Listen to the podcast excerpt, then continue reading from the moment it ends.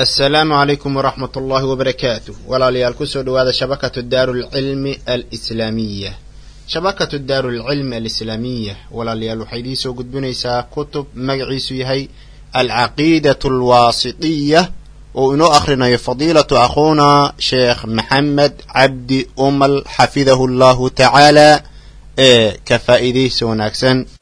Bismi illahi raxmaan raxiim alxamdu lilaahi rabbi اlcaalamiin sali allahuma wslama calaa nabiyina muxamedi wcala aalihi wasaxbihi ajmaciin ama bacd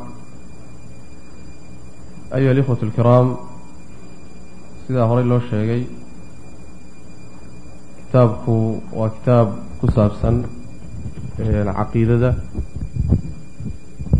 ama towxiidka caqiidada oo ah runtii shayga asaasiga ama tiirka koobaad oo tiirarka islaamnimada albaabka koowaad ee islaamka laga galana ah shayga ruuxa aayihiisa dambe iyo hoygiisa ugu dambeeya shayga sababta u noqdana ah oo ama naar ama janno caqiida xumadu naar bay sababtaa caqiidada wanaagsanna jannay sababtaa marka waa muhiim oo ahamiyaddeeda waxaad ka garan kartaan waxaa ilaahay subxaana wa tacaala kutubtuu soo dejinayey iyo rusushuu soo dirayey oo dhan. Waxay ka midaysnaayeen inay addoommada u sharxaan rabbigood subxaana wa tacaala iyo sifaadkiisa tilmaamihiisa wuxuu ka rabo wuxuu yani waxa way u abuuray. Waa arrinka kitaabku ku saabsan yahay. Kitaabka waxaa iska leh magaciisa waxaa la yidhahdaa kitaabka alcaqiida alwaasitiya waxaana iska leh nin culimmada waaweyn ka mid a oo ka mid a culimmadii noolaa qarnigii toddobaad ee hijiriga magaciisana la yidhahdo axmed ibnu cabdilxaliim ibnu cabdisalaam alxaraani wuxuu maga ku magac dheer yahay oo caan ku yahay shaykhulislaam ibnu teymiya wuxuu dhashay taariikhdu markay ahayd lix boqol iyo lixdan iyo kowgii. Waa taariikhda hijiriga wuxuuna geeriyooday taariikhdu markay ahayd toddoba boqol iyo labaatan iyo sideedii hijiriga. Wuxuu ku geeriyooday isagoo xidhan oo xabis ku jira qalca ku taala dimashik halkaasuu ku geeriyooday raxmatullaahi caleyh kitaabkan marka wuxuu ka mid yahay kutub fara badan oo dhaxal ah oo sheekhu uu ka tegey. Ayuu ka mid yahay muddadii uu noolaa waxay ahayd cimrigiisu mid uu u bixiyey uu adeegidda diinta rabbi subxaana wa tacaala intaasoo wuxuu leeyahay kutub kutub aada u fara badan. Waxaa la yidhaahdaa majaal ka mida majaalaadka cilmiga ma jiro ilaa ibnu teymiya yacni wuu ka hadlay. In aada u caqli badan oo cilmi badan oo mucjizo oo kale ah ayuu runtii ahaa. Ilaahay subxaana wa tacaala sadka uu ka siiyey yacni aqoonta iyo caqliga labadaba. Kitaabkan marka sababka uu alifay wuxuu ahaa xilli wuxuu joogay sheekhu ay maantaoo kale xilligaa noollahoo kale u yara eg oo dadku ay diintii ka fogaadeen oo bidcooyin fara badan diintii lagu soo daray oo dad badan caqiidadoodii fasaaday oo falsafo fara badan oo falsafadii maalan yacni yuunaan ka mid ah iyo griiga iyo diinta la soo dhexgeliyo caqiido laga dhigay. Xilli nool noocaas ayuu sheekhu noolaa jaanibka siyaasiga marka laga fiiriyana wuxuu noolaa xilligii caalamulislaami ay qabsadeen nimankii la odhan jiray tataarka maquuliyiinta nimankii la odhan jiray ka soo duulay. Yani bariga fog. Xilligii caalamulislaami ay qabsadeen buu noolaa. Marka xilli duruufo adag ah yuu sheekhu ku soo aaday. Nin marka ka mid a culimmadii shaaficiyada oo la odhan jiray radyuddiin alwaasiti ayaa sheekha u yimid. Markaasaa wuxuu u sheegay dhibaatada haysata muslimiintii iyo yacni bidcooyinka faraha badan ee diintii la dhexgeliyey falsafada fara badan ee gashay caqiidadiisay u fasaaday wuxuu ka codsaday inuu u alifo kitaab yar oo u cuskado u noqdo. Sheekhu waa ka cudur daartay markii hore laakiin waa ku adkaystay. Ilaa wa ilaaba wuxuu yidhi kitaab noo alif kitaabkanuu marka u alifay salaadda casar kadib ilaa maqribka intii u dhexaysay buu kitaabka qoray sheekhu yacni waxay ka mid tahay waxyaalaha la yaab kale kitaab yacni waxa weeye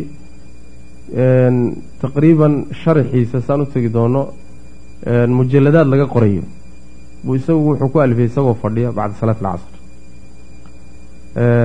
hariib ma aha oo culimmadu sida hadda maanta jirtoo kale ma ahayn oo kutubta uun dad wax ka fiiriya maysan ahayn diintu waxay ahayd mid suduurta iyo laabta ku jirto la xifdisan yahay ibnu qayim oo kale hadda waxa la kitaabkiisa zaadulmacaadka taqriiban shanta mujalad ah. Wuxuu alifay isagoo socota. Isagoo safar ku jira. Oo maraajicdiisii xataa aan haysanin kutubtiisii buu qoray. Xifdi buu ka qoray. Xifdi buu ka qoray.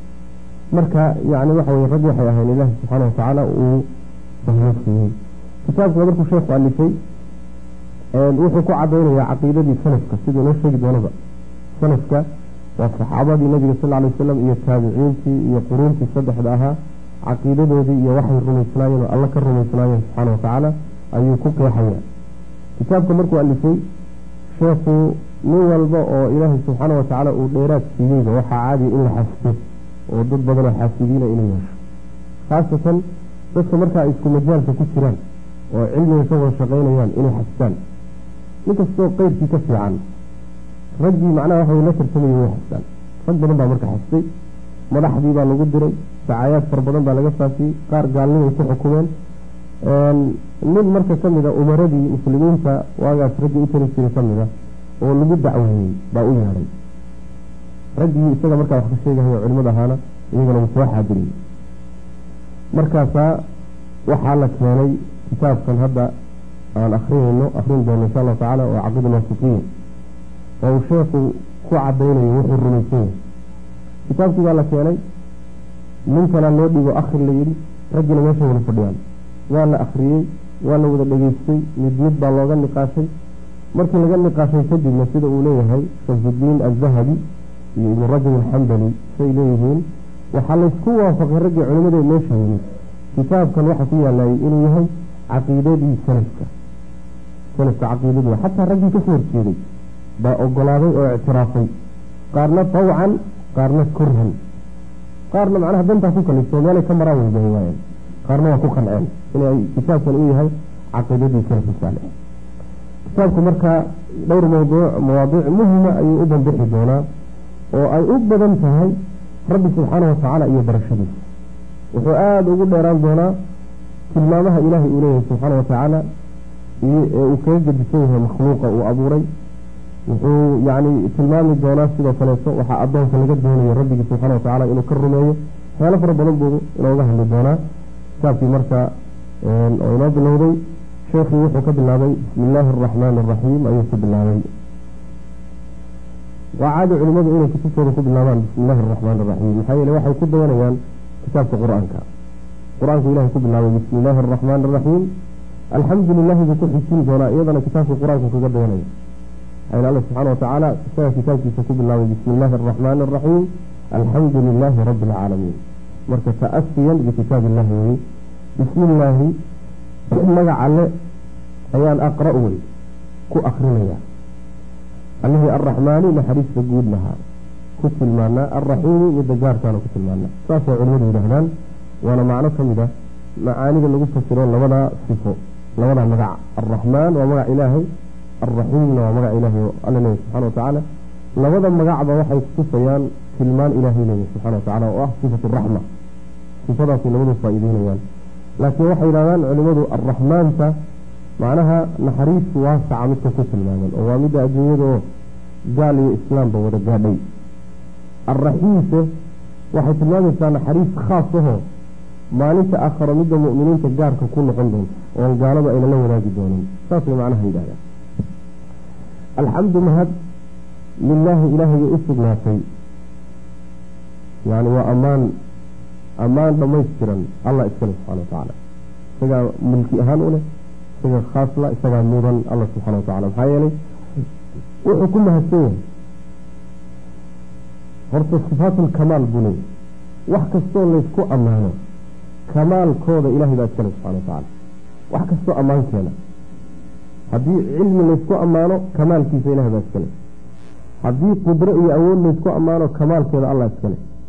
Sifo kasta oo laysku ammaano kamaalkeeda iyo dhammaystirnaanteeda ilahay baa iskale subxana watacaala taasi waa mid midda labaad asbaabta keenta mahadinta iyo ammaantana ilaahay xaggiisay ka timaadaa oo ah nicmada. Wamaa bikum min nicmatin fa min allah. Nicmo kastoo aada haysataan xagga ilahay bay ka timi subxana watacala waa asbaabta keenta mahadinta maxaa yeele cidda aada adiga ammaanayso laba sabab mid baa kugu bixiya inuusan adiga waxba kuu gelin waxba kuu tarin. Laakiin sidiisuu yacni u quruxsan yahay oo sidiisuu u dhammaystiran yahay oo sidiisuu macnaha waxa weyaan maarata uusan naqsi iyo dhimanaan u lahayn. Waxbaba yaadan ka helin haddaad rabtee waad ammaani. Maxaa yeele wuu ammaanaya midda labaadee keenta waxa weeyaan waxbuu kuu galay oo waxbuu ku siiyey oo yacni waxbuu kugu taray taasina way keentaa ammaanta labadaba ilahay baa iskale subxana watacala maxaa yeele wax kasta oo layna siiyey oo helnay isagaa bixiyey kamaal kasta iyo dhammaystirnaan kastana isagaa asal u alla subxana watacala wax kastoo ilasaga ka soo hadhay waa naaqiso dhimanaan baa ku jirta meel unbuu ka dhimay laakiin isaga rabbi subxana watacaala meela kama dhimana alxamdu mahad lilaahi ilahay bay u ammaan ilaa iskale subxana watacaala alladii allahaasoo arsala diray rasuulahu rasuulkiisa diray bilhudaa hanuun la diray wa diini ilxaqi iyo diinta xaqa. Ah macnaha hanuunka waxa weeyaan buu leeyahay. Sheekh ibnu cuthaymiin waxaa laga wadaa alcilmu naafic cilmi wax anfaca waa kitaabka iyo sunnada cilmigooda iyo wixii ka farcama wa diinilxaqina waxaa laga wadaa buu leeyahay alcamal asaalix ku dhaqanka cilmigii naafic ahaa ku dhaqankiisii baa laga wadaa buu leeyahay. Adiga almihi waxa weeye rasuulkiisa maxamed sal alay wasalam yuu soo diray. Halkaa wuxuu tilmaamayaa sheekh nicmooyinka alle uu ku ammaanan yahay ee ku mahadsan yahay ee addoommadiisa uu galay waxaa ugu weyn nicmada ah soo diritaankii nebi maxamed uu soo diray salawaatu rabbi wasalaamu caleyh maxaa yeelay kitaabka soo dejintiisa iyo rasuulka soo diritaankiisu inta nicmo laysu galay oo dhan waata ugu weyn. Waxaa kaloo dhan wax yar yar bay noqonayaan marka taa loo fiiriyo macna saas daraaddeed buu sheekhu tilmaantaa uu uga dambaysiiyey alladii allahaasoo arsala diray rasuulahu rasuulkiisa diray.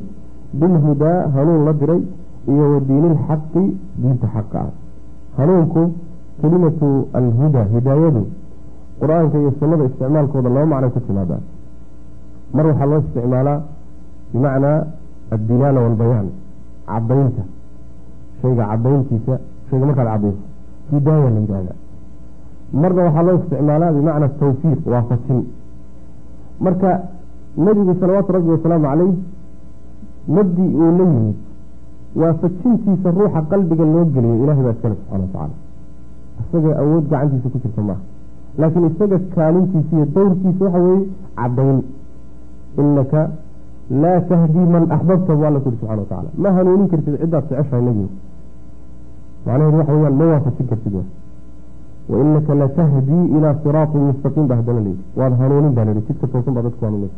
Tanina waa cadayn iyo qeexid dadka jidka loo qeexo taa isagaa iskale nebigu sal alay wasalam waxaa uga dambeeyey dadka culimada dadka ducaadda ah laakiin wixii la cadaynayay in ruuxa qalbiga loo geliyo la waafajiyo cidaan alla ahayn male subxana watacala waa allah hanuunka iyo diinta xaqa alla soo diray rasuulkiisa sal alay wasalam ayb maxaa loogu soo loogu soo dhiibay oo loola soo diray? Liyudhirahu inuu muujiyo daraaddeed cala diini liyudhirahu diinka iyo xaqaa loo soo dhiibay inuu ka saromariyo cala diini diin diinaha kullihii dhammaantood wa kafaa billaahi ilaahay baana ku filan shahiidan goobjooge ama markhaati nabiga sal ly wasalam waxaa ilaahay uu ugu soo dhiibay diinta xaqa iyo hanuunka waxa weeyaan inuu diintan loo sii dhiibay uu ka saromariyo ka korreysiiyo ka muujiyo diimaha kale oo dhan. Dhaqamada bulshooyinka kala haystaan. Diimaha kale afkaaraha kale inay diintani ka saromarto inuu taa ka shaqeeyo. Oo laba siyoodba ay uga saromarto bilxujati waalburhaan xujo iyo burhaan iyo daliil inay kaga saromarto oo uu kaga sarreysiiyo oo waxyaalaha bulshooyinku haystaana diinta ka dhiganayaan kulli ay burburiso markay iska hor yimaadaan midda labaadna waxa weeyaan bisayfi wasinaan awood iyo jihaad ciddii xujadii ay anfici weydo in markaa awood lagu marsiiyo saas maana liyudhirahu cala addiini kullihi. Waa muhiimad marka yani waxay muujinaysaa diinta rabbi subxaana wa tacaala maadaama ay diinta keliya xaqa ay tahay diimo keliya afkaar kale lama noolaan karto.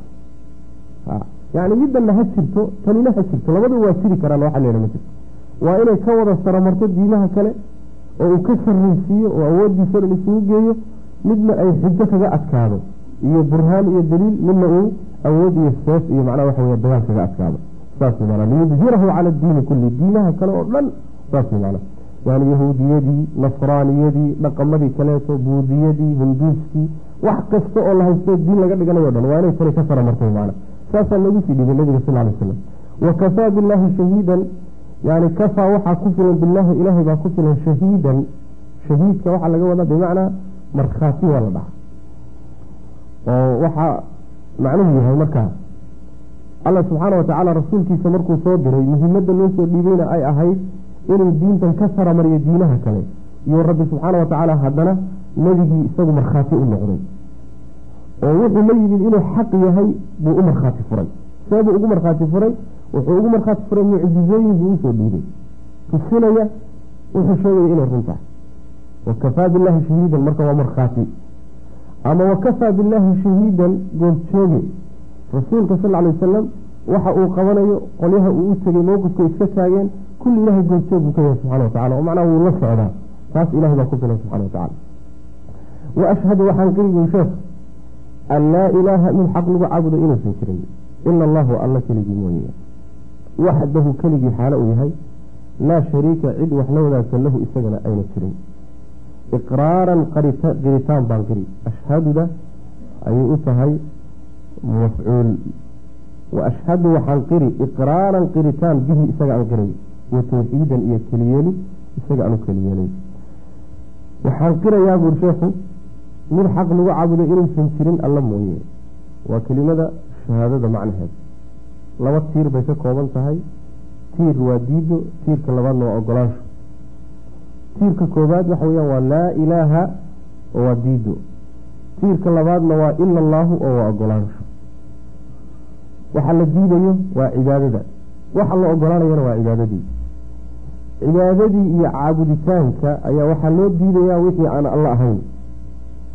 Kii loo diiday wax kastoo alla ka soo haray baa isaga keligii loo sugaya saas man yani laa ilaaha ila allahu macnaheedu taasaan marka qiraya taasaan qiraya ashhaduda bimacnaa qiritaan shahaadada asalkeeda waxa la yhahda wixii kuu muuqdood arkaysa baa la yidhahda laakiin halkan waxaa laga wadaa qiritaanka qalbiga waxaa marka aada leedahay waxaan qirayaa oon ictiraafayaa sidii anigoo isha ku arkayoo kaleeto sidii anoo ishayda ay u muuqatoo kale macna baan u qiraya oon u ictiraafaya cid xaq lagu caabuday inaysa jirin alla mooye laa ilaaha ila allah markaasaa waxaa laga dambaysiye waxdahu keligii xaalooye laa shariika lahu wax wax la wadaagana aysan jirin. Cidina lama wadaagto. Cibaadadiisa macnaha. Cibaadadu waa waxa addoonka ka fulayo macna addoonka waxa ka fulayo masalan waxa weye salaadii uu tukanayey masalan cabsidii masalan rajadii sujuudii masalan su'aashii baryadii. Arrimahaasoo dhan waa cibaadada noocyadeeda wey gowracii. Kuwaas inaan ilaahay nala wadaagin baan qiraya wey macna haddaad kuwaa ilaahay iyo cid kale ka dhexaysid ama cid kalean u sii maraya aad tidhaahdo alloo i gaarsiinaysa ood rabbi iyo cid kale ka dhexaysiis shirkigu kaa wey marka cidina lama wadaagto isagaa gooni u leh. Saasay kelimadu faa'ideynaysa iqraaran qiritaan ayaan qirayaa. Ashhadu waan qirayaa iqraaran qiritaan bihi isaga kaa aan qirayo wa tawxiidan iyo keliyeelid isaga keliga aan u keliyeelayo aanan cid kale la wadaajinaynin tawxiidantu iyo iqraarantu un macnihii horan bay adkeynayaan. Saas wey macna wa ashhadu waxaan qirayaa sidoo kale ana muxamadan muxamedna cabduhu addoonkiisii inuu yahay warasuuluhu iyo rasuulka kii uu soo dirsaday. Cabduhu warasuuluhu addoonnimada waxaa loogu tilmaamay nabiga sal lay wasalam oo cabduhu hadda u yihi waa sharaf. Maxaa yeelay rabbi baa subxaana watacaala ku sifeeyey maqaamaadka ugu sareeya rasuulkiisa markuu ku sifeynayay wuxuu ku tilmaamay inuu addoon yahay.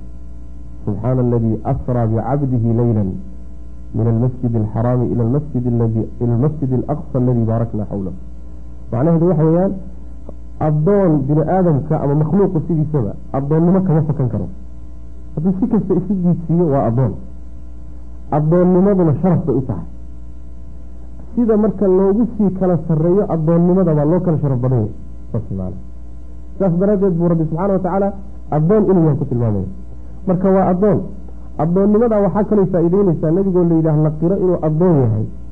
Waxay faa-iideyneysaa waxay muujinaysaa booskiisu inuusan gaadhsiisnayn ilaahnimo.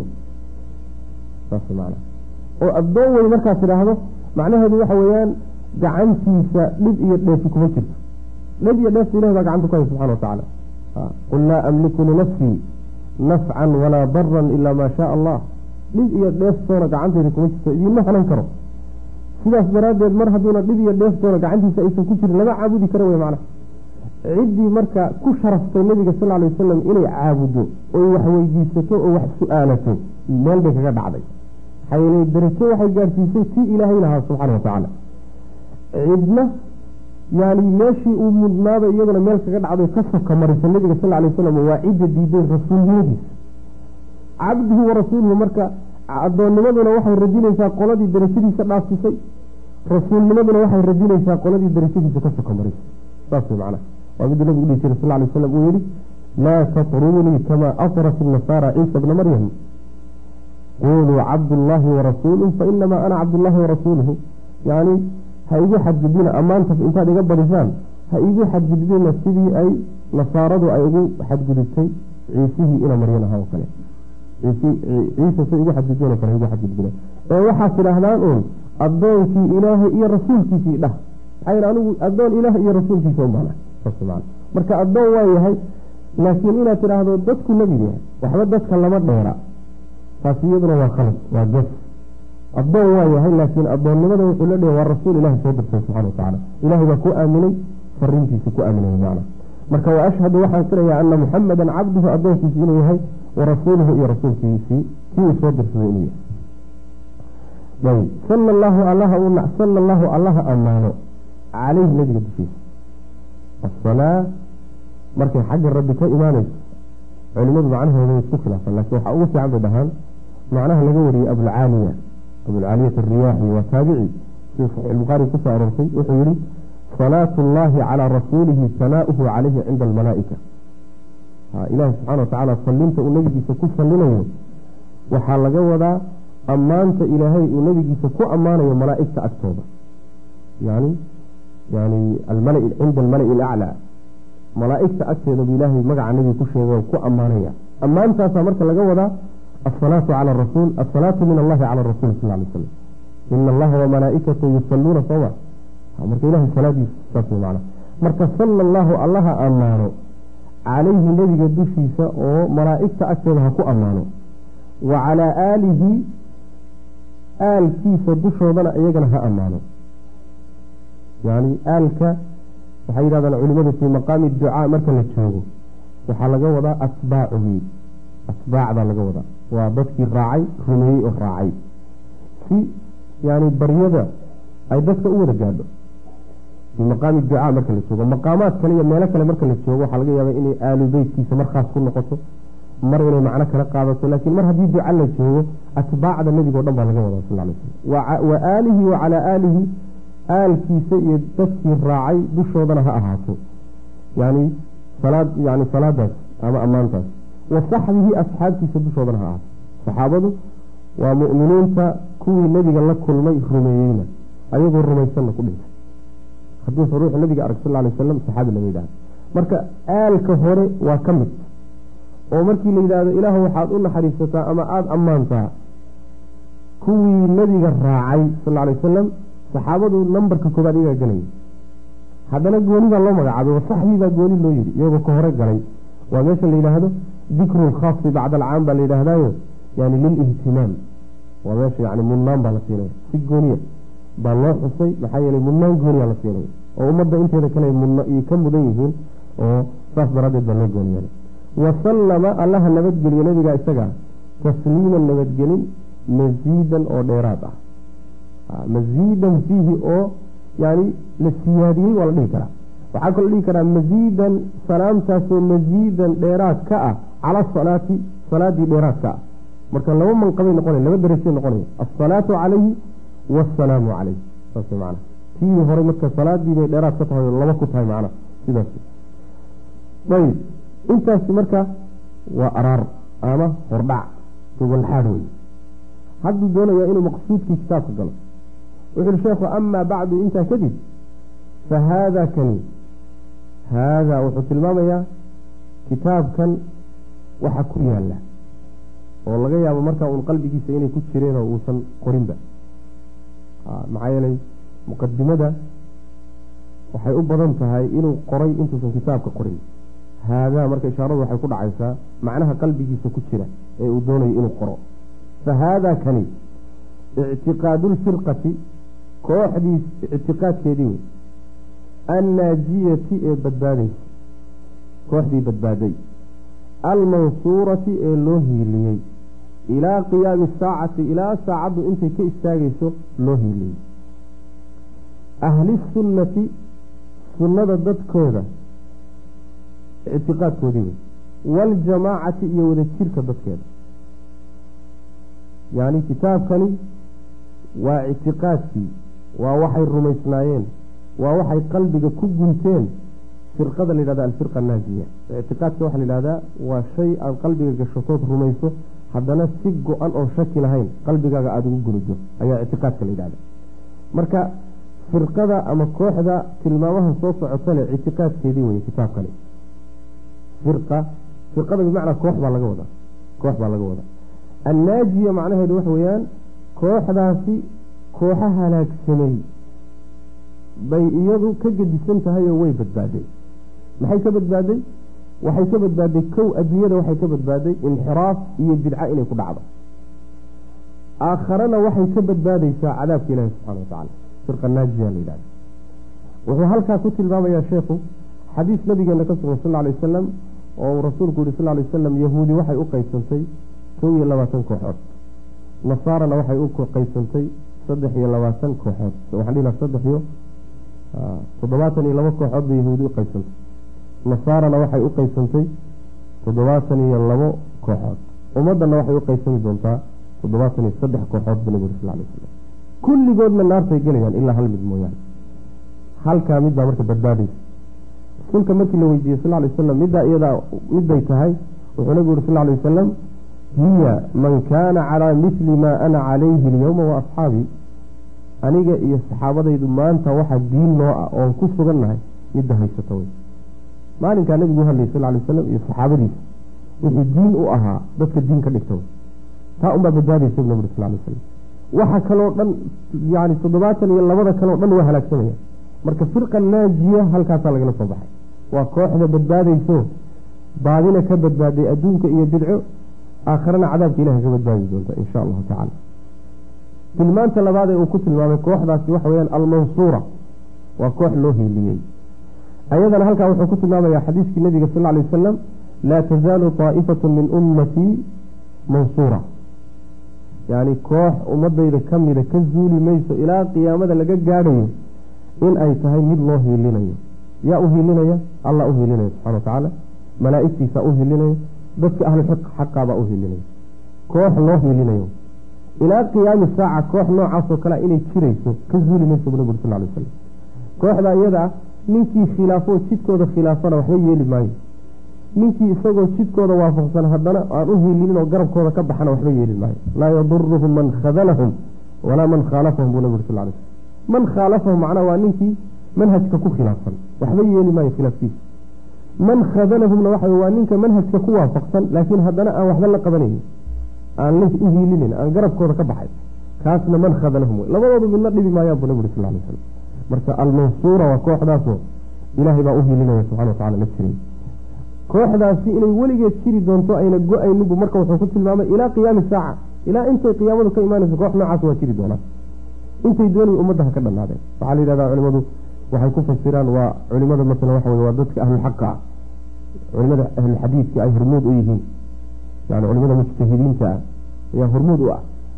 Marka kadib baa waxaa ku raacaya rag badan oo majaalaad fara badan yani waxa wey ka howlgelaya sida mujaahidiintao kale waa soo gelayaan fuqahadu waa soo gelayaan yani waxa weyaan ummadda inteeda kale ee culimada manhajka saxda haysta raacsan baa soo gelaya ilaa akhirihi sidaas macna ayb marka ilaa qiyaami saacadaasa waxoogaa bushi laga keenayo. Waxaa axaadiista nabiga ku soo aroortay sal lay wasalam in saacaddu marka ay istaagayso qiyaamadu kacayso ay imaanayso in wax iimaan le ayna dhulkaba jooginba laa taquumu asaacatu xadiiskii saxiix muslim iyo keyrk ku soo arooray qiyaamadu ma istaagayso ilaa calaa shiraari lkhalqi buu nabig sal lay khalqiga kuwa u shar badan dushoodan bay qiyaamadu yani ku dulacaysa xadiis kale wuxuu ahaa qiyaamadu ma istaagayso ilaa dhulka laga waayo. Man yaquulu allah allah wa fii riwaayatin laa ilaaha ila allah wax tawxiid qirayaba markii dhulka laga waayo bay qiyaamadu dhacaysaa. Hadalka sheekhana waxoogaa waxaa laga fahmayaa ilaa qiyaamada inay jiri doonaan. Waxaa fiican marka sida uu leeyahay sheekh ibnu cuthaymiin in la yidhaahdo ilaa qiyaami saaca ilaa qurbi qiyaami saaca. Qiyaamada macnaha markay soo dhowaato bay yaa ugu dambeyn doonto. Intayna weli dhicin. Maxaa yeelay nabiyullaahi ciisa calayhi salaam aakhiru zamaanka markuu soo dego oo dad muminiinta muminiinta wixii dhulka joogay markaa ay rumeeyaan oo raacaan oo gaalada la dagaalamo oo jizyada macnaha waxa weye uu diido oo doofaarka laayo oo saliibkiiyo macatabkooda uu burburiyo.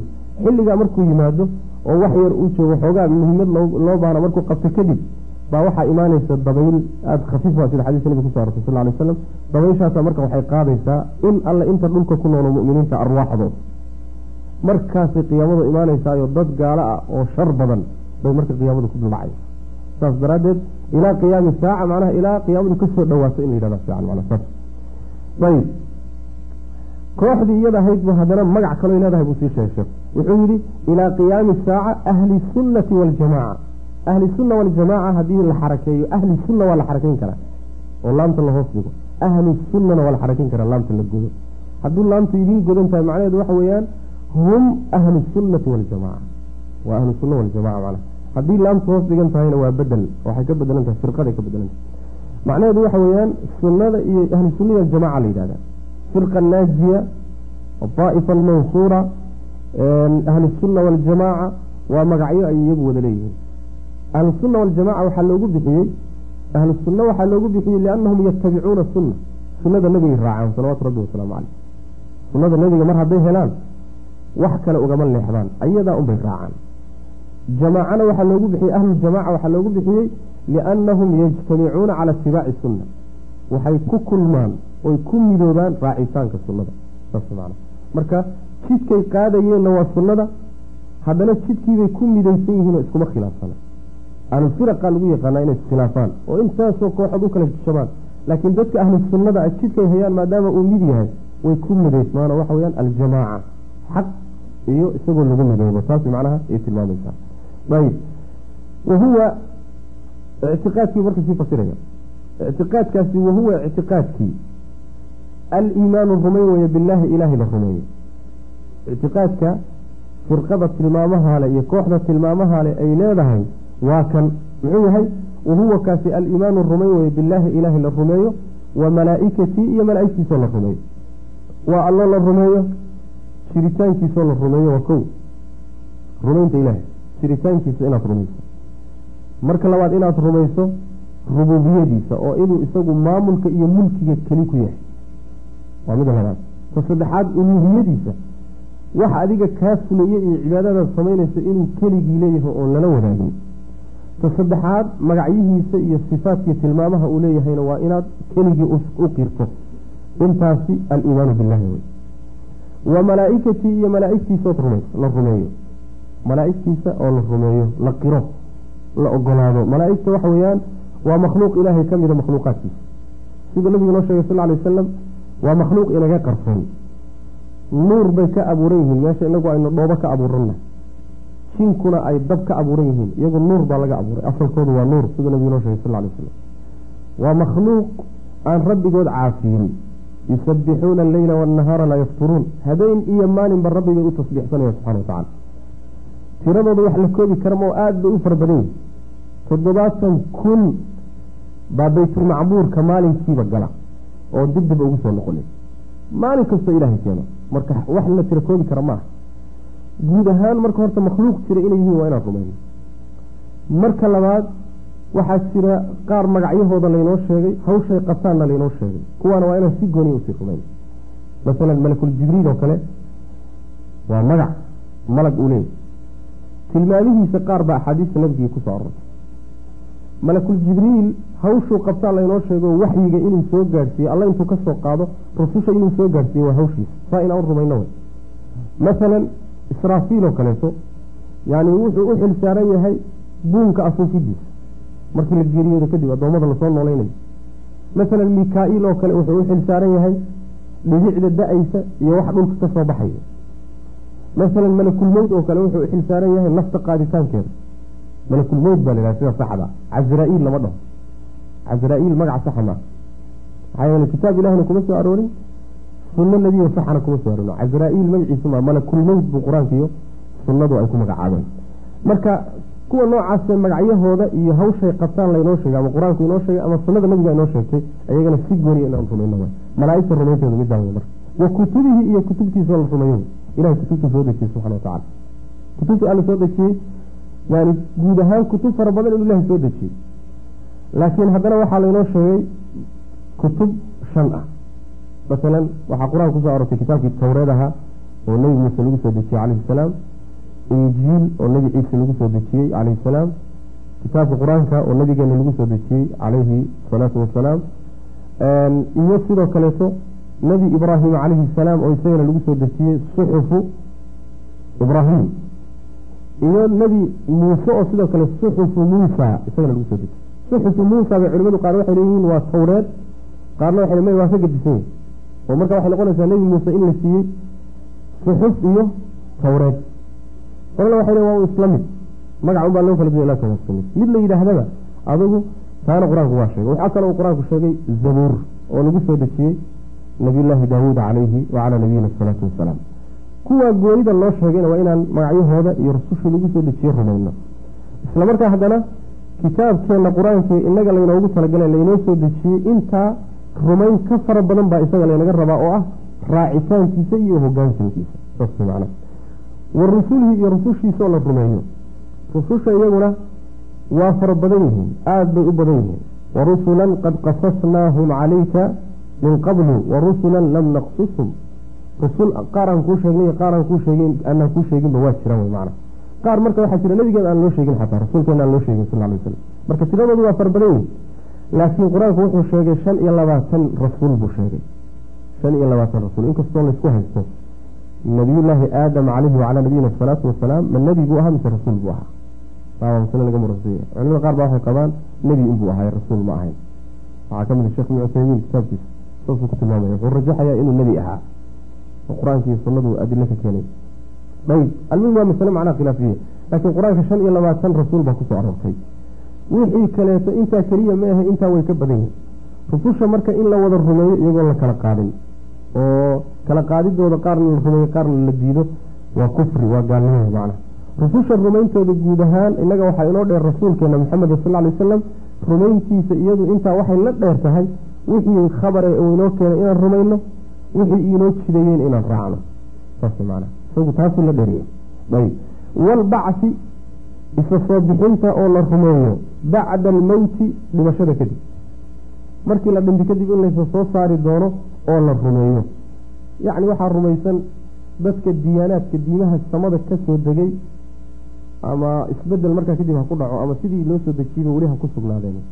Ummadaha rumaysan oo dhan waa ka midaysan yihiin arrinkan yani in lays soo saari doono oo degmadan mooye degmo kale ay jirto laysla xisaabtami doono oo janniya naar ay jiraan oo yani yahuudna waa rumaysan tahay nasaarana waa rumaysan tahay muslimiintuna waa rumaysan yihiin saas man bal dad dad badan oo kalaa rumaysan. Marka yani inaad rumayso markaad geeriyooto kadib in lagu soo saari doono waliimaani waliimaanu rumayn weye ictiqaadkaasi waliimaanu rumayn weye bilqadari qadarkii la rumeeyo khayrihi midkiisa khayrkaa iyo sharikiisa sharkaaba qadarku waxa weeyaan waa qorshaynta alla subxana watacaala waa inaad rumayso alla subxaana wa tacaala intuusan makhluuqaadka abuurin yuu ogaa. Intuusan abuurinba yuu ogaa. Markuu abuuray kadib wax cilmiga kama kororsanin laakiin intuusan abuurin buu la socday ogaa. Waa kow. Marka labaad intuusan abuurin buuba qorayba looxul maxfuudkay ku yaalleen wax walba intaan la abuurinba. Marka saddexaad markuu abuurayo wuu doonaa doonid baa ka horeysa marka afraadna wuu ahaysiiyaayoo banaanka u soo saaraa. Saas maana abuurista marka waxaa ka horeysay inuu rabbi wax qorsheeyey oo wax qadaray. Risqigii inuu horey u qadarnaa samaawaadka intaan la abuurin horey baa loo qorsheeyey oo qorshe iyo qadar iyo macnaha qadarin baa ka hor yani taqdiir baa ka horeeyey taa iyadaa inaad rumayso macna ayib. Waxa mas'aladaas hadda yacni usuusha yani iimaanka loogu daray ahmiyaddeeda ay leedahayo dad badan baa ku baadiyoobay. Dad badan baa ku baadiyoobayoo yani khaldamay qadarkiibaa marka waxaa laga dhigay mid khayra iyo mid shar ah qadarku waa khayr iyo shar baa loo qaybiyey khayrku waa bini aadamku waxay dheefsanayaan oy jecel yihiin waay. Oo maslaxad yani ay ugu jirtaan dhihi lahaa ay jecel yihiin. Sharkana waxaa laga wadaa waxyaala bini aadamku dhibsanayo yani qadarka kiisa sharka ah baa laga wadaa. Qadarka marka kelimatu lqadar haddii macnaheedu uu yahay laga wado yani qorshaynta alla subxaana wa tacaala oo markaa ficil ilaahay ah alla afcaashiisa subxaana wa tacaala shar laguma sifayn karo. Waasharu laysa ilayka baa ka mid a nabiga sal ly slam hadaladiisa macnaa sharka alla looma aaneeyo. Afcaashiisa o dhan waa wada khayr. Laakiin wixii ilaahay afcaashiisa ka dhashay oo mafcuulaadkii ah marka la fiiriyo bini aadamkana loo fiiriyabaa wuxuu noqonayaa qaarna waxay dhisanayaan qaarna waxay jecel yihiin oo ayna dhisanaynin.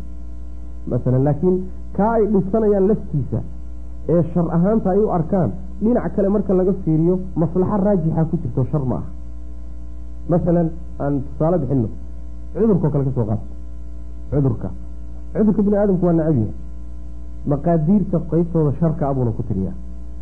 Laakiin cudurka u fiirso cudurka markuu ruuxa ku dhaco masaalixda ka dhalanaysa dhibka uu u geysanayo masaalixdaa ka xoog badan.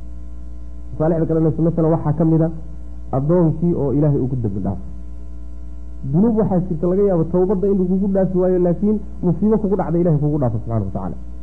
Waxaa ka mid a masalan darajaad kor loogu qaado. Waxaa ka mid a masalan addoonkii oo kibirsanaa oo isla weynaa oo la xusuusiyo tabartiisa. Waxaa ka mid a masalan yani waxa weeyaan addoonkii oo lagu garansiiyo cudurka caafimaadku nicmadii caafimaadku qiimahay lahayd. Intaasoo maslaxo marka cudurka waxaa ku jira ka rajaxan xanuunkiisa. Saas macana saas daraaddeed baa shay kasta oo bini aadamku dhisanayo dhinac kale marka laga fiiriyo masaalix fara badan baa ku jirta. Masaalix fara badan baa ku jirta. Marka marka la fiiriyo shaygan ilaahay uu qadaray ee addoonka haysta dhinac marka laga fiiriyo dhinacyadiisa ka mida unbuu shar ka yahay. Laakiin rabbi afcaashiisu shar laguma tilmaami kara kulligeed waa wada khayr. Kulligeed waa wada khayr wey macana waliimaanu bilqadari khayrihi wa shari wixii kugu dhacoo dhan inuu xagga ilahay ka yimid subxaana wa tacala waa inaad rumayso oo aad markaa waxa way ku sabirto wey macana ayb wa min aliimaani billah xadiiska nabiga wuxuu aha sal ly slam awal maa khalaqa allahu lqalam ilaahay makhluuqaadkiisa wuxuu abuuray waxaa ugu horeeyey qalinka markuu qalinka abuuraybu wuxuu ku yihi uktub qor buu ku yihi markaasu wuxuu yihi wamaa aktub maxaan qora allow wuxuu ku yihi uktub kula maa huwa kaa-in. Wax kasta oo dhici doona qor baa lagu yidhi. Markaasuu qalinkii qoraal bilaabay. Diiwaanka weyn ee nooxulmaxfuudka ah buu marka wuxuu ku qoray wax walba oo dhici doona intii ilaahay subxaana watacaala uu macnaha wax weyaan ugu talagalay ayuu marka qoray. Waxan marka intuusan dhicin oo dhan buu alla la socday subxaana watacaala oo waxan la qorsheeyey oo sidii ilahay ugu talagalan bay wuxuu dhacaya inagu markuu inoo muuqdee banaanka u soo baxo waa markii uun xilligii loogu talagalay inuu fulo mooyaane. Horay buu waxaanay u sii qorshaysnaa horuu waxaanay u sii qorshay ilahay u qadaray subxana wa tacala saas way macnaha. Wa min aliimaani billah. Intaasi marka waa arkaanta la yidhahda arkaanu liimaan waxay ku soo aroortay xadiiskii dheeraaye cumar ibn khataab radi allahu canhu malakul jibriil intuu u yimid isagoo saxaabada la fadhiya nabiga u yimid sal ly wasalam ayuu nabiga weydiiyey islaamnimada wuxuu weydiiyey iimaanka wuxuu weydiiyey ixsaanka wuxuu weydiiyey yani saacadda qiyaamada. Iimaanka markii nabiga la weydiiyey jawaabtu bixiyey waxay ahayd marka an tu'mina biاllaahi wa malaa'ikatihi wa kutubihi wa rusulihi wa walyowmi alaakhiri wa tu'mina bilqadari khayrihi wa sharihi marka arkaantii iimaanka waay arkaantii iimaanka way macnaha wa min aliimaani billah intaasi marka duuduub bay ahayd.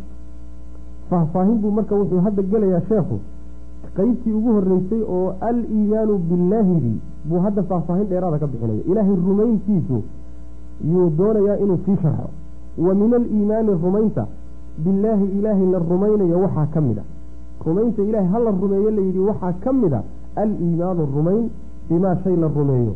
Wasafa uu tilmaamay bihi alle nafsahu uu naftiisa ku tilmaamay. Bihi maaga dhe. Aliimaanu rumayn bimaa shay la rumeeyo. Wasafa uu alla ku tilmaamay bihi maaga nafsahu naftiisa uu ku tilmaamay. Min gayri taxriifin iyadoon la leexinin. Fii kitaabihi kitaabkiisa dhexdiisa uu ku tilmaamay. Wa bimaa shayna la rumeeyo. Wasafahu uu ku tilmaamay alle. Bihi maaga rasuuluhu rasuulkiisa uu ku tilmaamay. Min gayri taxriifin iyadana iyadoon la leexinin. Walaa tactiilin oon la diidin. Wa min gayri takyiifin iyadoon la keyfiyeynin oon la qaabaynin. Walaa tamsiilin aan loona ekeysiinin makhluuqaadkiisa abwaabta aada laysugu khilaafay oo toddobaatan iyo labadii kooxood ee nebigu sheegayay ay aada ugu kala jabeen waxaa ka mid ah baabkan hadda sheekhu uu galay oo ah ilaahay subxaana wa tacaala magacyadiisa iyo sifaadkiisa iyo tilmaamihiisa. Sifada waxaa la yidhahdaa ruuxa tilmaanti waxa tilmaantiisa la yidhahda shaygu tilmaantiisa masalan hebel waa cas yahay waa tilmaan. Hebel waa dheer yahay waa tilmaan. Hebel waa madow yahay waa tilmaan hebel yani waxa weye tilmaamaha kuwaasa la dhaha magacyada rabbi subxaana wa tacaala iyo tilmaamihiisa waa baab ka mida abwaabta aada loogu kala jabay oo lagu qaybsamay oo qolbo meel ku dhufatay sheekhu marka wuxuu doonayaa inuu qeexo kitaabka alleh iyo sunnada nebiga sal alay wasalam iyo saxaabadii iyo taabiciintii iyo culimadii waaweyneed iyo a'imadii afarta ahaa. Manhajkoodu ilaahay asmaadiiyo sifaadkiisa maxay ka qabeen? Jidkay mareen taasuu inoo qeexaya waxaa weeyaan middan unoo sheegayo in la rumeeyo wax kastoo ilaahay uu kitaabkiisa dhexdiisa isagu isku tilmaamay. Wuxuu isagu isku sheego waa in loo ogolaado waa in lagu sheego waa in lagu tilmaamo. Wixii rasuulkiisu sal alay wasalam uu u sheego oo uu ku tilmaamo axaadiista dhexdeedana waa in iyadana rabbi lagu tilmaamo. Xayle rasuulku sal alay wasalam waxaan rabbi u qalmin buu ku tilmaamay. Wax rabbi u qalmo unbuu ku tilmaamay wuxuu rabbi ku tilmaamayana waa uun wax rabbi xaggiisa ka soo gaadhay alla xaggiisa wax ka soo gaadho loo waxyooday. Wixii axaadiista ku soo arooro alla isku tilmaamay waa in loo daayo. Wixii qur'aanka ku soo arooray oo isagu isku tilmaamay waa in loo daayo. Saas maana ayib waxaa laga ilaalinayaa ha loo sugaan oo ha lagu tilmaamo si isagu isugu tilmaamay ama nebigiisa ugu tilmaamay sal alay wasalam waxaa tilmaamay ama nebigiisa ugu tilmaamay sal alay wasalam waxaa laga ilaalinayaa dhowr arrimood. Midda koobaadi waxa weeyaan waxaa laga ilaalinayaa taxriif. Taxriif. Taxriifka waxaa la yidhahdaa leexin ama duwid ayaa la yidhahdaa in tilmaantan rabbi isku sheegay macnihii ay lahayd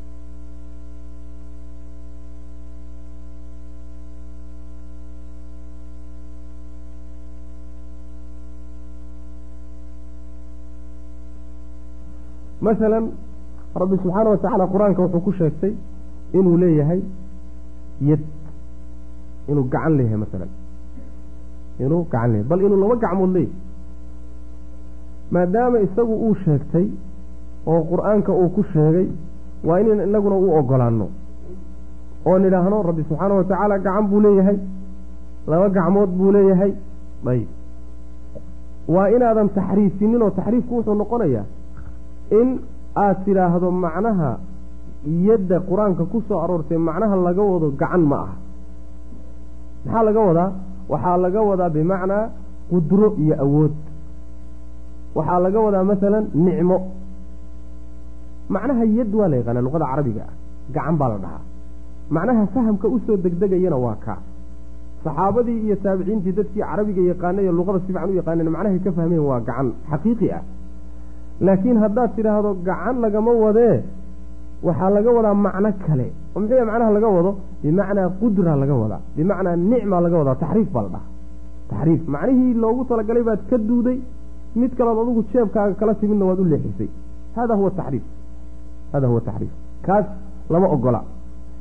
waxaa kaloo iyadana aan la ogolayn tacdiil. tacdiilka waxaa la yidhahdaa isagana diido inaad magacyo aad tidhaahdaba ilaahay subxaana wa tacaala wax sifo aba male yad buu sheegtay ma jirto. Ayb carshiguu ku ekaaday ma jiro. Habeenka niskiisa dambuu soo degaa ma jiro. Ayb qadam buu leeyahay ma jiro. Samiici weeyaan waxbuu maqlaa basiir wey waxba ma jiro. Inaad kulli wuxuu ilahay sheegto dhan aada diiddo ama qaar ka mida diiddo ayaa tacdiilka la yidhahda tacdiilka saasaa la yidhahda waxaa ku dhaca waxaa ku dhacay nimanka la yidhahda jahmiyada. Jahmiyadu waxay yidhahdeen ilaahay tilmaamana male magacyana male. Halkaasay ku dhufteen. Muctasilada ka yara soka marto waxay yidhahdeen wax ilaahay lagu tilmaami karo ma jirto laakiin magacyo aan macno lahayn buu leeyahay. Alraxmaan hadda somaynaan soo marin. Magac wey alraxmaan laakiin haddana sifay faa'iideyneysaa oo sifadu maxay tahay sifatu raxma ayagu marka waxay dhahdaan alraxmaan waa magac jaamid ah oon macno ku tusaynin yay yidhaahdeen. Magac aan macno laga fahmaynin oo kaleeto macnaha magac noocaas oo kale yidhahdeen sifo wax la yidhahdana way diideen. Sifo wax la yidhahdana way diideen. Qolyaha wey marka. Waxaa iyaguna la mid ah yacni firqooyinka qaar ka midoo magacyada ilaahay sifaadkiisii qaarna diiday qaarna ogolaaday. Sida masalan ashaaciradoo kaleeto iyo maaturidiyada caqligooda intay u bandhigeen ba waxay yidhahdeen sifaadka qaarkaana caqligaa ku tusayo waa fiican yihiin ilaahay loo sugo. Qaarkaana intaana sugitaankooda ilaahay loo sugo yacni waa meel kaga dhac oo tashbiihii waxbay keenaysaa ha loo diido. Markaasay sifaadkii qaybiyeen. Qoladaasina iyagana waxa mucadiladay soo gelayaan marka biduuni tacdiil wixii ilaahay sheegtay kulligood sidii uu sheegtay ha loogu daayo wey macnaha. Wa min gayri takyiifin walaa tamhiil takyiifka iyo tamhiilka isagana waxa takyiifka waxaa la yidhahdaa kayfiyeyn qaabayn inaad tidhahdo masalan ilaahay sifadaasuu sheegtay qaabkaasayna u taallaa. Masalan carshiguu ku ekaaday inaad tidhaahdo wuu ku fadhiyaa. Waa gaf waa khalad. Inaad tidhaahdo masalan wuu soo degayaayoo yani waxa weye habeenka qeybtiis danbuu soo degayaa marka lagu yidhahdo inaad tidhaahdo yani meeshuu joogay buu ka soo dhaqaaqahayaayo meeshaasuu macnaha waxa weye imaanaya. Waa khalad kayfiyada iyo qaabka wax u dhacayo sifadiisu u taallo ma garan karno. Leanna sifadu daataday raacsan tahay. Haddii hadda lagu yidhahdo ilaahay daatadiisa qaabkay u taalla noo sheeg ma sheegi kartaa? Ma sheegi karta mar haddaadan daatadiisu qaabkay u taalla aadan sheegi karin sifadiisuna qaabkay u taallo lama sifayn lama sheegi karayo saas maanaa shayga sidiisaba waxaad ku garan kartaa kayfiyadiisii qaabkuu ku yaalla. Ama adaa arkayoo indhahaad saartay. Ama ma ahee mid u eg baad aragtay ama ma ahee waa laguu soo sheegay. Saddexdaa mid ka mid maad ku kartaa shayga kayfiyadiisa. Ilaahay subxaana wa tacaala daatadiisa mana ayna arag sifaadkiisu qaabkay u yaallaanna isheennu ma qabanin. Waa mid. Midda labaad weeyaane shay u dhigmo oon uga tusaalo qaadanana ma jiro. Midda saddexaad weeyaane rabbigii inoo soo warramay iyo rasuulkiisii inoo soo warramay sal alay wasalam mayna inoo sheegin sifaadkani qaabkay u yaallaan yadda ilaahay qaabkay u taalla laynooma sheegin oo rabbi subxana wa tacaala ishiisu say u taalla laynooma sheegin oo lugtiisu say u taalla laynooma sheegin laakiin waa laynoo sheegay intaas oo fartiisu say u taalla laynooma sheegin. Oo macnaha waxa weyaan kulli waxaaso dhan wax laynooga sheegay ma jiro. Marka waa inaan sugno oo haddana aynan qaabaynin. Kayfiyiinka macnaha waxa weyan qaabkeedii qaab kolley way leedahay laakiin qaab inagu aan garanayno ma aha. Saas macnaha. Wa tamhiilkuna iyadana waxa weya loo diidayo walaa tamhiilinta tamhiilka waxaa laga wadaa in aad makhluuqaadkii ilaahay abuurtay sifaadkay lahaayeen iyo kuwii ilaahay lahaa inaad isku mid ka dhigto. Oo tidhahda masalan yadda ilaahay iyo gacantiisu waa gacanta hebel oo kale waa gacantaydoo kale. Masalan aada tidhaahdo allah subxaana wa tacaala masalan ishiisu waa ishaydoo kale waa isha addoommadoo kale. Waa khalad weyn iyadana waa gaalnimo. Saas macnaha marka lababa lama ogola inaad tii addoommada iyo tiisa isu ekeysiiso leanna waa khaaliq iyaguna waa makhluuq. Makhluuq iyo khaaliq meel la isagama ekaan karaan. Meel la isaga magac hadday xataa yani waxa weeye marmar magacu isu yimaado oo la yidhahdo masalan allana waa yani waxa weeyaan huwa alxayu waa nool yahay masalan. Makhluuqa qaarkoodna nolol lagu tilmaamo huwa alxayu la dhaho. Magaca unbaa ka dhexeeya mooyaane laakiin noloshu noloshii maaha. Inay saas xataa makhluuqaadka ku kala gedisan makhluuqaadka.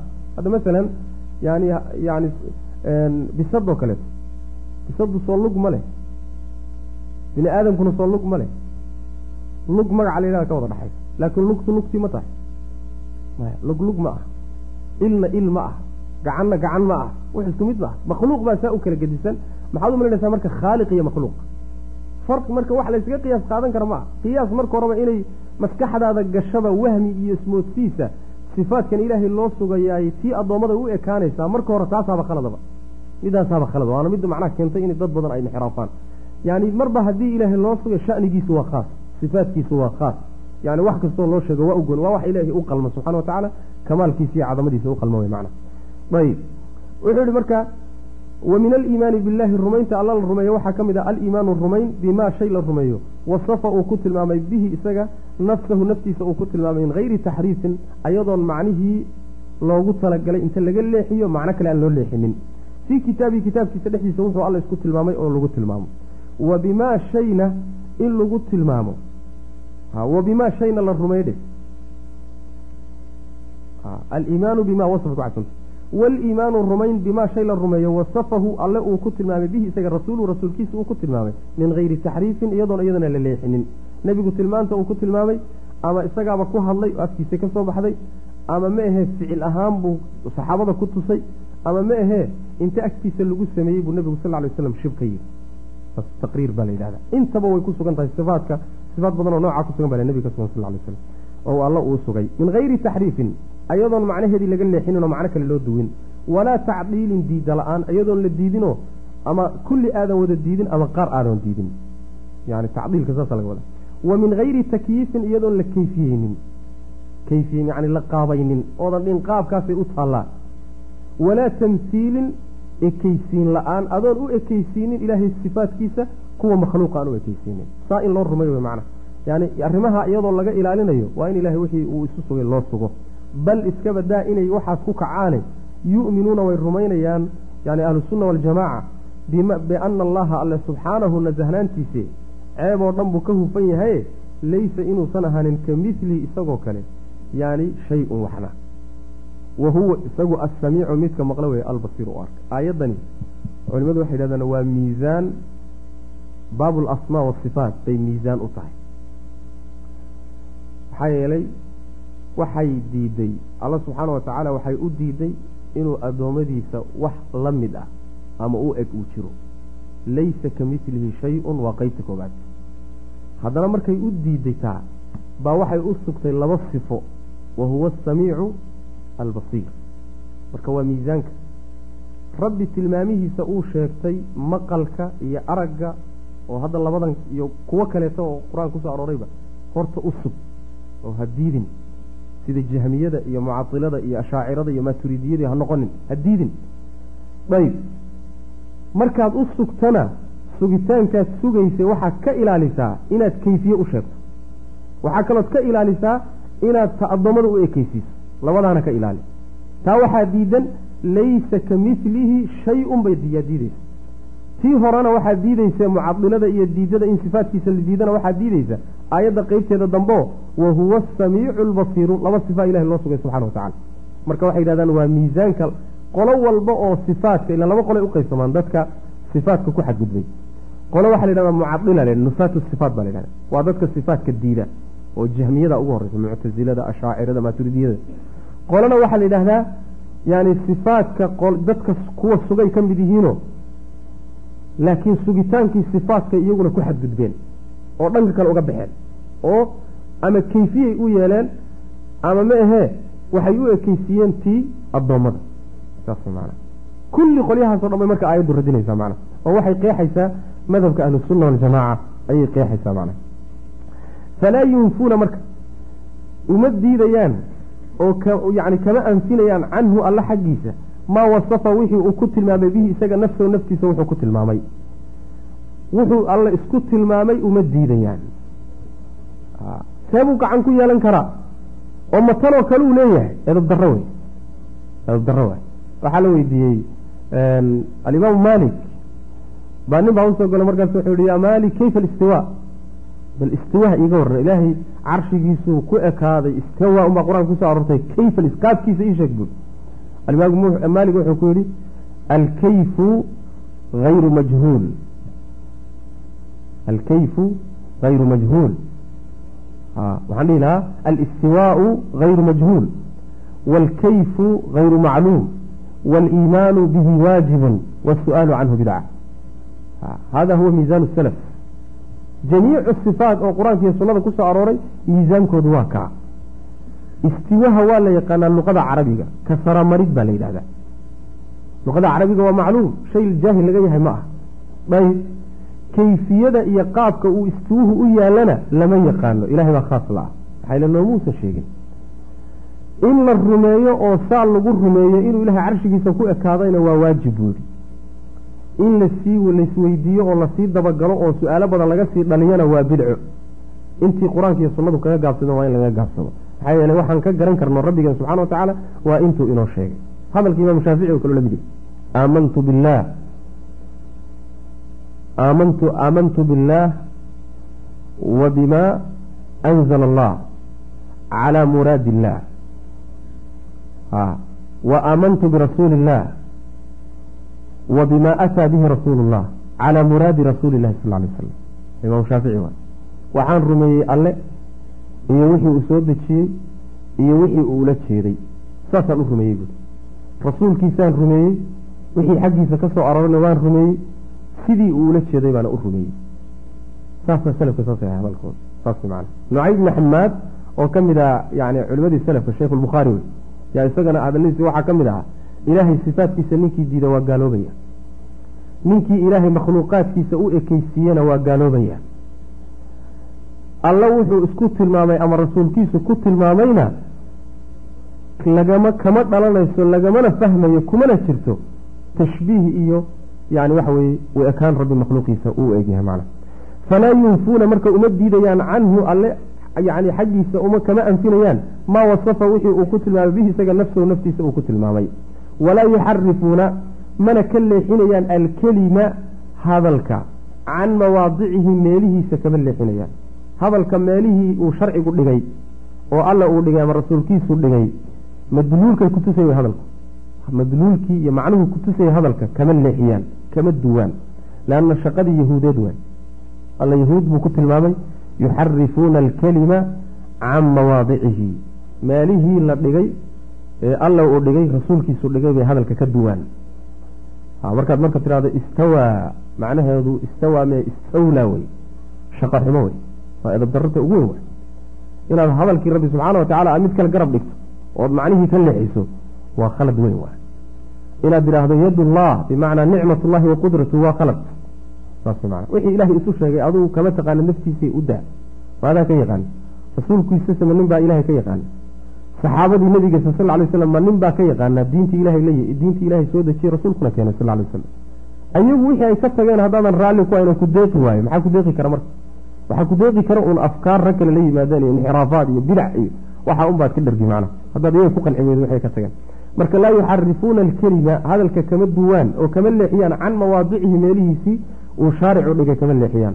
Walaa yulxiduuna mana duwaan fii asmaai illaahi ilaahay asmaadiisa dhexeeda iyo wa aayaatihi aayaadkiisa. Ilxaadka waxaa la yidhahdaa duwidda la yidhahda leexinta taxriifka iyo ilxaadka isku macno dhow luxud sooma dhahna luxud luxudka waxa la yhahdaa waa qabriga xabaalbilaashka marka la qodo.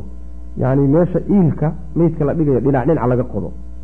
Waa leexsanya macnaha qabriga kala barhkiisu ka leexsanya markuu kala barhka laga qodo luxud lama dhaho iilka marka kala barhka laga qodo shaqi baa la yidhahda marka waxaa laga keenay ilxaad oo waa leexin kala barhkii baa laga leexiyey. Marka ilxaadka waxaa laga wadaa asmaada ilaahay iyo aayaadkiisa ilxaad kuma sameeyaan. Kama duwaan oo kama leexiyaan macnihii waajibkaa ee loogu talagalay kama leexiyaan. Saas macana asmaada ilaahay magacyaha ilaahay uu isu sheegay subxana wa tacala sida alraxmaan oo kale alraxiim oo kale alsamiic oo kale albasiir oo kaleeto ilxaadka lagu sameeyahay dhowr meelood buu ka imaan karaa. Masale meeluhu ka imaan kara waxaa ka mid a ilxaad waxaa noqonaya wuxuusan ilaahay isku magacaabin inaad adigu ku magacaawdo magac uusan lahayn bo qur'aan iyo sunna aan ku sugnayn adigu inaad u bixiso ood adigu rabbigaa u magac bixiso waa edab daro ilxaad waay. Sida masalan falaasifadoo kale yani falsafiyiinta ay ku tilmaamaan masalan alcila alfaacilay dhahaan. Alcila alfaacila magaca qur'aan iyo sunno sheegan toona ma waa khalad waa ilxaad waay. Ilxaadka waxaa ka mid a magacyihii alla sheegtay subxaana wa tacaala inaad diiddo oo tidhaahdo magacba ilaahay ma laha. Maxaa yeele magac lala baxo iyo magac la bixiyo addoommada iskale. Addoon haddaad magac ilahay u bixisana addoommadii buu shabihi halkaa intaad shubha ka dhaliso inaad ilahay magacihiisa u diiddo waa shaqadii jahmiyada wa ayaduna waa ilxaad fii asmaa illah waxaa ka mid a ilxaad fii asmaa illah inaad magacyada ilaahay magac kasta oo rabbi leeyahay sifo iyo tilmaam baa ku lamaan oo u wataa. Macnuu faa'iideynayaa macnal kamaal ah. Masalan samiic oo kale waa magac sooma wuxuu waxaa ku dhex jirta sifo sifatu samci maqal basiir waa magac ilahay leeyahy sifatu lbasar baa ku dhex jirta. Saas way macnaha. Caliim waa magac ilahay leeyahay. Sifatu lcilmi baa ku dhex jirta. Magac walbo ilaahay leeyahay. Saas daraaddeed ba alla wuxu uhi walilaahi alasmaau alxusnaa magacyada ugu fiicfiican buu leeyahy magac aan sifatulkamaal wadanin ilahay male subxana wa tacala saas mana magac walba sifo qiimo badan iyo yani yuu faa'iideynaya oo laga qaadanaya. Marka ilxaadka waxaa ka mid a inaad tidhahda ilaahay magacyihiisu wax sifoy ku tusayaan maba jirtaba. Sida muctasilado kaleeto muctasiladu waxay yidhahdeen yani samiicun bilaa samcin basiirun bilaa basarin caliimun bilaa cilmin. Saas mana xayun bilaa xayaatin. Suuqnimada arag. Yacni waxa weeyaan macnihii uu ku tusaya magacu bay meesha ka saareen. Waxay yidhaahdeen waa samiic waa magac aan macno lahayn. Wax macnoo faa'ideynaya ma jiro samcigii meeshay ka saareen. Caliim waa magac aan wax macnaa laga fahmayninoo cilmi buu leeyahay lagama fahmayo. Yacni xayun waa nool yahay bay inagu ka fahmaynaa. Laakiin iyagu waxay dhahen xayun waa magac aan macno lahaynoo bilaa xayaatin bay daba dhigeen. Ayaduna ilxaadka asmaada ilaahay lagu sameeye ka mid. Waxaa ka mid a ilxaadka asmaada ilaahay lagu sameeyo in aad magacyadii ilaahay sifaadkay ku tusayeen aada u ekeysiiso tii makhluuqaadka oo tamhiilkii aan soo marinay macna. Ayaduna waa ka mid saas macna. Arrimahaasoo dhan alixaad fi asmaa ilahi waxaa ka mid a masalan magacyihii ilaahay lahaa intaad ka soo jeexdo magacyo inaad makhluuqaadka u bixiso. Sidii quraysh oo kaleeto asnaamteeda ay ku magacaabeen allaata waxay ka soo jeexdeen allah. Alcuza waxay uga magac bixiyeen oo uga soo jeexeen magaca ilaahay casiiz ah. Almanaata waxay uga soo jeexeen magaca ilaahay ee ah mannaan.